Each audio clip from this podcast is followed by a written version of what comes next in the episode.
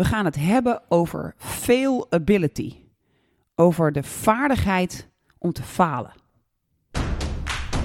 Welkom bij een nieuwe boost voor jouw missie No More Boring Learning. Dit is de Brain Bakery Podcast.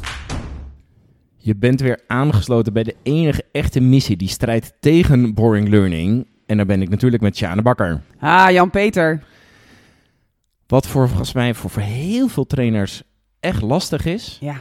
en dat snap ik ook best goed, is het bedenken, is het ontwerpen van een nieuw model. Ja, En dat leidt heel vaak tot het blijven gebruiken, het blijven herhalen, blijven recycleren van bestaande modellen. ja. Die vaak door anderen bedacht zijn en die dus al jaren, soms zelfs tientallen jaren meegaan. Ja, en dan krijg je zelfs van die trainers die dan weer al die overbekende modellen staan uit te poepen voor een groep. Krijg je zelfs dat ze tips aan elkaar gaan uitdelen over als nou iemand zegt in je groep, ik heb die al gehad. ken ik al. Wat kun je dan zeggen? Ja. En, en, ook, en dan klinkt er bijna altijd in door wat dom van die deelnemer dat hij zich niet realiseert dat hij op een ander Ja. punt in zijn leven staat en dat hij het nu heel anders kan gebruiken. Nee, Een beetje een komma-sukkel opmerking Ja. er dan. ja, En, en we weten dus dat het, dit een hele lastig is en dat het ook dus in stand mede wordt gehouden doordat er al zoveel modellen zijn. Juist. Maar als we onze lerenden willen verrassen, willen verrijken, dan is het toch ook onze functie, onze taak om af en toe met iets nieuws te komen. Met een nieuwe approach van misschien iets oud, maar zodat het weer lekker en fris klinkt. Dus wat gaan wij deze podcast-aflevering doen, JP? Ja, want je kunt je afvragen, wat heeft dit nou met failability te maken? Nou, Sjaan en ik hebben, doordat we ergens kennis over kregen over falen, hebben wij uiteindelijk een nieuw model ontworpen. Dat Ja. model gaat over failability. En we gaan je in deze podcast meenemen in het proces hoe wij tot het model zijn gekomen. En we gaan het hebben over failability. We gaan het hebben over hoe werkt dat en welke resultaten levert het op om dat model weer te gebruiken. Dus schrijf lekker mee en schrijf eigenlijk mee met een dubbele focus.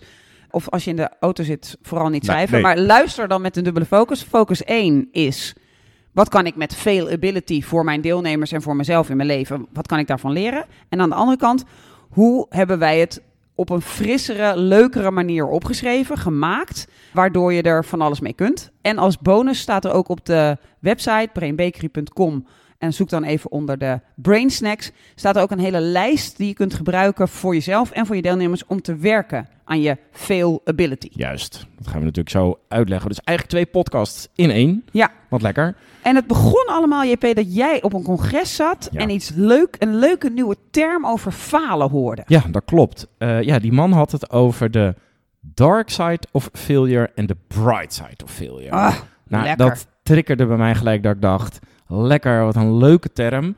Eh, ik denk ook dat deelnemers zich er gelijk wat bij konden voorstellen. Trainers konden zich wat bij voorstellen. Dus dat klonk allemaal Hè? heel aantrekkelijk en leuk. Lekker, ja. Ja. En toen gingen wij daarover praten en toen kwamen we al heel gauw op, ja, hier moet je iets mee. Want falen is iets vreselijks. Ja. Falen, we, we haten het allemaal. We weten dat het slim is om te doen, want dan weet je dat je groeit en je weet dat je experimenteert. En die beide dingen zijn belangrijk in Ja. je leven. Maar, Maar, toch, ondertussen Oh, haat je het. Ja, je vermijdt het. En Ja. we hebben het ook toen even gehad over onze beide vermijdingsstrategieën. Dat als je gefaald hebt, hoe ga je daar dan mee om? Ja, En eh mijne, eh, dit is even een eh, disclosure, even een kwetsbaar moment. Mijn eh, reactie op falen is, als ik het kan wegliegen, dan gooi ik er een jok tegenaan. Dan doe ik alsof het eigenlijk niet gebeurd is.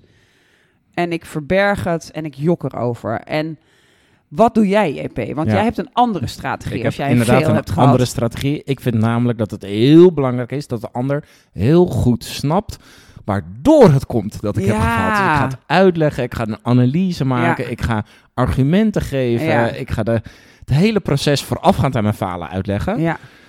Waardoor, ja. Ja. Ja, eigenlijk maakt JP de som een faal plus hele goede uitleg, die ook heel lang duurt.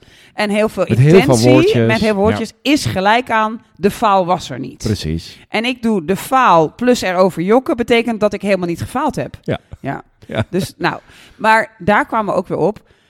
Hoe voel je je terwijl je dat doet? Hoe voel je je terwijl je loopt te jokken over je faal? Of hoe voel je je terwijl je een soort je bek een douw geeft Ja. en onwijs probeert recht te lullen dat er eigenlijk niet totaal een faal is? Ja, ja ik, ik voel me altijd een klein beetje een klein beetje viezig. Een klein Oh, beetje ja, zo'n zo'n slappe, Ja, zo. zo'n lamlendige... ja, zo'n beetje stinkende, zo'n doucheputje van ellende. Ja, dat. Ja, Ja. En ik, jij? voel, ik voel echt witte haat aan mezelf. Ik denk echt, waarom doe ik dit? Wat ben ik voor een ongelofelijke knurft. Dat ik hier nu gewoon zo bang ben om iets toe te geven dat ik gewoon ga jokken. Hou toch je...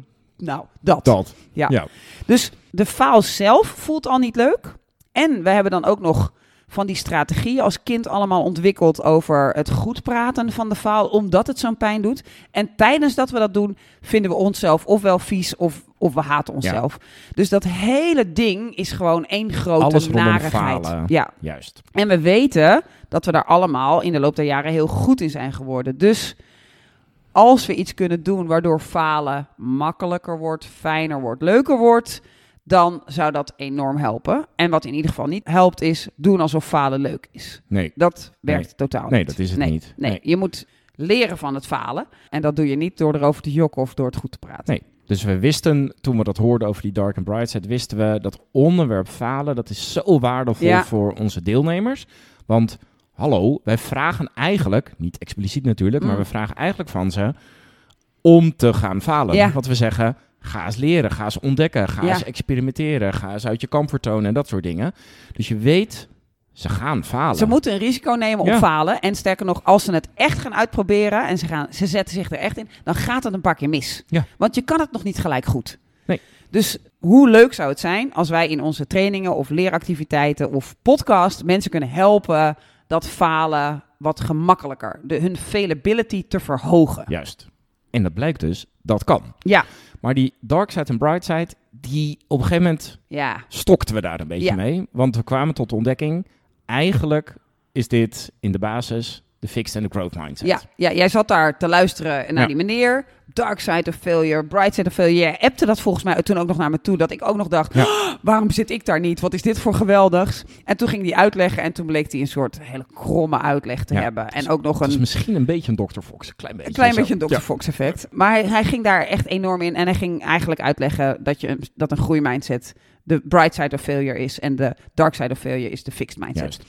Dus toen dachten we, ja, daar hebben we al van alles voor. Moeten we dan die term daarbij gaan plakken? Maar ja, dan eren we Carol Dweck weer niet. Dus toen zaten we, nee, dat, daar zit het hem niet. Daar, Nee. daar zit het hem niet. Nee, dus, dus voor, we gaan weer even naar de focus van het ontwerpen van een model. We wisten dus, we hebben iets te pakken dat heel waardevol voor onze mensen kan zijn. Alleen, je moet niet weer hetzelfde doen. Nee, Dus we wisten, oké, we moeten op zoek naar een andere invalshoek, een andere insteek. We wilden Ja. het ook wat praktischer maken.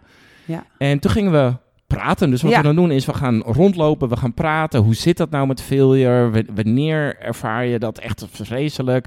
En toen kwamen we op een gegeven moment ook, ja, wanneer in je leven... ja, ik kwam op die levensloop. Ja, Ja. dat klopt. Toen kwamen we er ineens op, eh, op dat op het moment dat je begint met leven, doe je heel veel dingen voor het eerst. Ja. En iedereen kent denk ik wel dat, dat geweldige voorbeeld van dat je dan eh, een baby die gaat proberen voor het eerst te staan. En eh, dat lukt natuurlijk niet. Dus die valt weer op haar billetjes of erger. En doet zich ook nog een beetje pijn, Ja. gaat nog een beetje huilen. Dan zijn er geen ouders op aarde die dan zeggen: "Ah, Kind, stop. Ja. Weet je, ik denk dat lopen niks voor jou is. Eh, nee, dit moet je niet doen. Dit is te risicovol. Nee, we denken, haha, Ja. die, wow, ze gaat al proberen te staan. Wat cool. Nu al. Of je bent heel blij, oeh, eindelijk gaat ze proberen te staan. Maar we weten allemaal, jij gaat uiteindelijk lopen. Ja. Bij het gros van de kinderen natuurlijk eh, gaat dat goed. En er is ook geen baby die bedenkt, nou, ik ben nu drie keer gevallen. Ik hou hier echt mee op. dit, klaar mee. dit is not meant to be for Nee. me. Hè, dat gebeurt daar allemaal niet als baby of kind. En je hebt natuurlijk Lotte in die leeftijd. Ja, Hoe lang is Lotte al aan het proberen te gaan staan? Lotte wil heel graag staan en Ja. probeert dat denk ik al een week of acht. Oh, echt? Ja, ja, Ja. en dan elke dag tientallen keren, hè? Ja, Ja. gewoon niet van, oké, nu word ik wel heel verdrietig. Nu heb ik echt gewoon Maar nu ben een ik shot whisky mee. nodig, zodat ik weer door kan gaan. Ik moet mezelf belonen, want dit is allemaal zo moeilijk. Nee. Dat gebeurt niet. Dus, dus dit was voor ons een clue dat we dachten, hey, zou er een relatie zitten tussen de hoeveelheid keren dat je faalt en je faalbeleving? Ja. Hè, dat was ook een nieuwe term die wij ter plekke bedachten. Want op een gegeven moment, ergens is er een switch in je leven, na die eerste kindertijd, waarop je begint te bedenken, falen is niet oké. Ja. En dat je faalbeleving heel vervelend en naar en pijnlijk wordt. Maar in het begin is dat nog niet zo. Dus zo, zo gingen we een beetje op zoek. Ja. Toen gingen we een beetje die levenslijn doorlopen. Toen dachten we, ergens rond de tijd dat je naar school gaat, en ik denk dat we dat ook allemaal wel weten, ga je ineens een beetje groepsdruk ervaren. Ga je een beetje in een fase komen als kind dat je er een beetje bij wil horen. Je wil hetzelfde zijn als iedereen. Je wil ook dezelfde kleertjes aan. Je wilt hetzelfde zijn. En alles wat jou dan vertelt dat je er niet bij hoort, dat doet dan pijn. Ja. Dus het is heel logisch dat je op die kleuterschool of peuterschool begint te voelen, auw, een faal waar de anderen het wel kunnen, is niet oké. En ineens krijg je een zeer pijnlijke faalbeleving. Echter, in die periode ben je nog wel heel veel nieuwe dingen aan het doen. Je hebt nog nooit sommetjes gemaakt, je hebt nog nooit samengewerkt in de poppenhoek. Wat Nee. was het allemaal toch toen Eh, vroeger? veterstrikken, Veters- uiteindelijk Ja. leren fietsen, Ja. zwemmen. Ja, dus je, je, je doet heel veel dingen voor het eerst. Je gaat dan wel een hogere pijnbeleving hebben, maar je hebt ook nog steeds een hele groot aanbod aan faals, Ja. omdat je heel veel dingen voor het eerst doet. Ja. En eigenlijk die hele schoolperiode, in elk geval de, de, de basisschool, blijf je heel veel dingen voor het eerst doen en gaat je faalheid omhoog. Nou, dan kom je in de fase van de puberteit en ineens wil jij dat iedereen jou niet alleen accepteert en dat je erbij hoort, maar dat ze je ook nog lekker vinden. Juist. Dat ze denken, oh, oh, Ja. oh, jij bent echt heel leuk. Je wilt ook heel erg er nog steeds bij horen. Hè? Dit is ook ineens waarin iedereen in hetzelfde merk moet lopen. Of zoals ik dan deed, jullie doen merken, ik doe dat Ik juist, juist niet. niet, nee. Hè? Dus maar, maar er zijn maar twee smaken. Ja. Je zit erin of, je, of je, Ja. je zit erin doordat je er niet in zit. Dus dan wordt de faalbeleving nog veel groter. Want je wordt je ook nog veel meer bewust van dat jij zelf bestaat als mens. Je moet je gaan onderscheiden van anderen. Dus falen gaat nog veel pijnlijker worden Ja. in die fase. Echter, omdat je op school zit en regelmatig cijfers krijgt, proefwerken krijgt, je hebt regelmatig beoordelingen. Dus er zijn nog steeds heel veel faalmomenten. Dus in die fase blijft het aantal faals misschien niet zo hoog als baby, Nee, dus het wordt nee. iets lager, maar je hebt nog steeds nog behoorlijk. nog flink veel. Ja. En de pijn groeit Ja. significant. Ja. Want ineens die geliefde waar je toch al 16 weken enorm over nadenkt en masturbeert in je bedje, die ineens, die lachte jou uit. dus, oh my god, het leven, weet je, het, het is Ja. dramatisch. Ja, het is je Eh, eerste heartbreak. Dan Oh, wil je alleen nog maar in bed liggen. ja, ja. het is verschrikkelijk. Dus de faalbeleving gaat nog verder omhoog. En je faalt ook nog best wel veel. Nou, dan gaan we op een gegeven moment studeren. Nou, dan, dan word je iets normaler. Eh, je faalbeleving eh, op hoge momenten is nog steeds heel hoog. Maar je hebt iets minder kans op Want je hoeft maar eens per, per trimester Juist. of zo een, een proef te doen Ja. of, een, of een examen. En dan gaan we werken. Ja, dan komen we in organisaties. Ja, en dan in Ja. de eerste maanden van je baan faal je nog best veel. Want ineens moet je van studeren en student zijn naar... ik moet op tijd komen en wat de fuck. En wat vragen ze eigenlijk allemaal van me? En ik dacht dat, ik, dat boeken lezen en uittreksels maken mijn werk was. Nee, ineens moet je dingen opleveren Ja. en ook foutloos typen.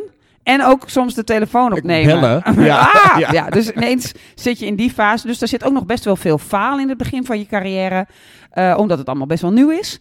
Maar we gaan wel een beetje koeler om. Ja. Hè, Je zit niet meer zo hormonaal erin. We gaan iets koeler om met de faalbeleving. Het is iets minder erg. En dan begint eigenlijk het grote proces van een carrièrepad kiezen voor veel mensen. Ja. Waarin er minder kans is om te falen. Je wordt steeds beter. Dus het aantal faals daalt dan met de jaren. Juist. Daar ben je ook medeplichtig aan. Ja. Om de twee redenen. Falen doet pijn.